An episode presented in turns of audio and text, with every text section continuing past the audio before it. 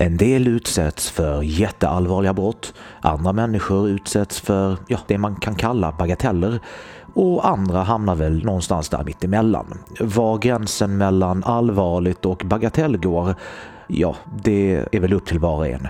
Så utan att lägga någon värdering vid hur allvarligt det här brottet är så tänkte jag gå igenom en typisk anmälningsprocess hos den svenska polisen. Jag sitter i styrelsen i en bostadsrättsförening i Stockholm och en dag ser jag att någon tagit brandsläckaren, sprutat ner hela trappuppgången med ett vitt pulver, slagit sönder människors postlådor, antagligen tagit någonting från postlådorna, i alla fall enligt de som eh, postlådorna tillhörde, och lämnat kvar en cykel, oklart eh, vems cykel det är. Hur som helst, en av mina grannar berättar att eh, han hörde väldigt mycket stök från en lägenhet och såg väldigt mycket spring mitt i natten när han väcktes av ljudet och berättade att han tror att det är den grannen eller någon som den grannen känner som ligger bakom det här. Det är ju såklart svårt att säga, men hur som helst så gör jag det enda rätta som styrelseledamot och ringer polisen. Det är fortfarande kö, men vi tar hand om ditt samtal så fort vi kan.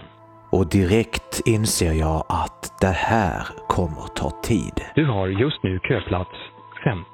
Samma röst meddelar att om det rör sig om ett pågående brott ska man istället ringa 112. Det här är inget pågående brott och inte heller ett allvarligt brott, så därför väntar jag. Alla våra handläggare är fortfarande upptagna, men du behåller din plats i kön. Du har just nu köplats 48. Efter ungefär 10 minuter så säger rösten någonting annat. Inte bara meddelar den vilken plats i kön jag har utan också att jag kan bli uppringd när, när det blir min tur. Du har just nu köplats 47. Vill du att vi ringer upp dig istället för att vänta kvar i kön? Tryck 1. Av någon anledning trycker jag inte ett utan jag väntar bara kvar för jag har headset i och telefonen är inte vid mig så att jag, jag väntar bara. Och eh, inser att det där eh, meddelandet kommer inte tillbaka på väldigt länge. Sen nu i efterhand undrar jag att vad som hade hänt om jag hade tryckt ett efter 20 minuter även om jag inte har fått meddelandet. Alltså om det var ett, någonting jag kunde göra när som helst. Så kanske är fallet, jag vet inte. Jag gjorde i alla fall inte det utan jag väntade kvar. Du har just nu köplats 44. Nu har jag ju såklart eh, speedat upp det här men det tog ganska lång tid. Det tog nästan en timme att eh, hamna eh, på plats ett i kön och äntligen få prata med en handläggare. Välkommen till polisen, Eva heter jag. Hej, Paolo heter jag. Ja, hej. Hej. Eh, jag ringer från bostadsrättsförening i Stockholm. Ja, Och vi har haft folk som har slagit sönder flera postboxar och tagit Okej. sönder saker i, i trappuppgången och annat. Och jag har Ja. fått... Jag har pratat med någon som tror sig ha blivit... Alltså, vi tror att de har gjort inbrott, alltså stulit grejer från de postboxar som har haft paket i sig. okej. Ja. Eh, vi, Eh, vi, vi vet dock inte. De, de som väntar paket, de ska ju dubbelkolla att ja, paketet Precis. kommer på måndag. Ja, ni vill, du vill som ordförande då anmäla skadegörelsen? Ja, precis. Och det är, märkligt. Det är något, det är något, något, något kalkliknande pulver och, och fotavtryck över hela liksom, hallen också. När jag ringer det här samtalet så har jag inte fått fullt grepp om vad som har hänt och jag kopplar inte det här med brandsläckaren. Jag, jag förstår inte var det här pulvret på golvet kommer ifrån. Eh, grannarna säger bara att det är en massa pulver och, och jag tänker ju inte på, på eh, brandsläckaren såklart. Eh, man kan ju så här i efter, efterhand tänka vad, vad tänkte jag på då? Men jag berättar berättar i alla fall allting jag vet och eh, vilka klockslag det var fest och vilka klockslag grannarna säger att de såg spring. Och jag berättar också att det här pulvret eh, och avtrycken de, de leder ju upp för trappan. Och när allt detta är förmedlat till handläggaren så visar det sig att just pulvret fångade hennes intresse. Mm. Eh, vi ska göra så här, Paolo, att jag kommer att ringa till ledningscentralen och höra om man vill gå, åka och titta på det där pulvret. Och här förstår jag att hon tror att det här pulvret är narkotika. Det är ju väldigt mycket narkotika i, i så fall, men det är i alla fall eh, den tanken som slår henne.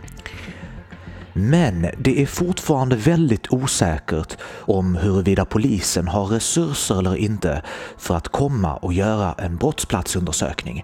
Och då kommer ett något märkligt förslag. Titta på det där pulvret. Ja, ja.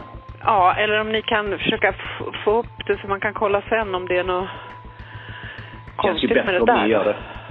Ja, men jag, jag måste ju ringa och se om vi har någon resurs där. Eh, Ja. eh, så återkommer jag till dig. På, Vi pratar lite i mun på varandra där, men vad jag säger där är att det känns bättre om de kommer och samlar ihop eh, pulver för tester än att jag själv eh, ska göra det.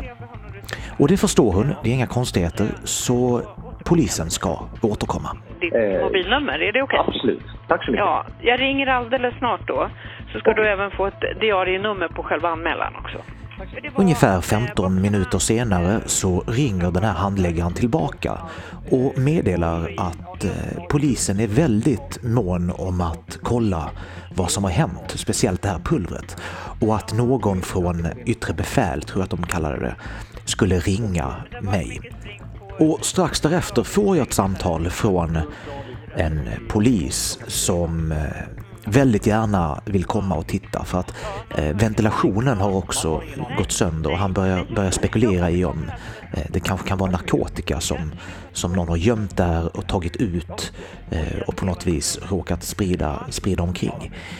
Men vid det här laget så har jag varit nere och tittat lite mer noggrant på eh, brottsplatsen, får man väl ändå kalla det.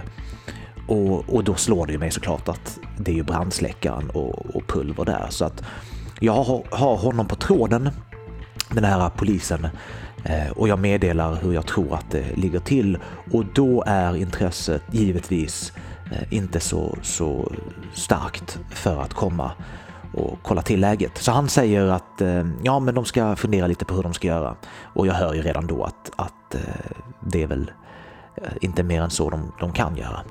Eh, och det här med att eh, vi misstänkte en, en granne, det är ju inte mer än en misstanke och det kan de inte gå på. Och jag har väl delvis förståelse för det också. Så, så, eh, men egentligen finns det ju ingenting de kan gå på så länge de inte kommer och kollar om det finns någonting att gå på.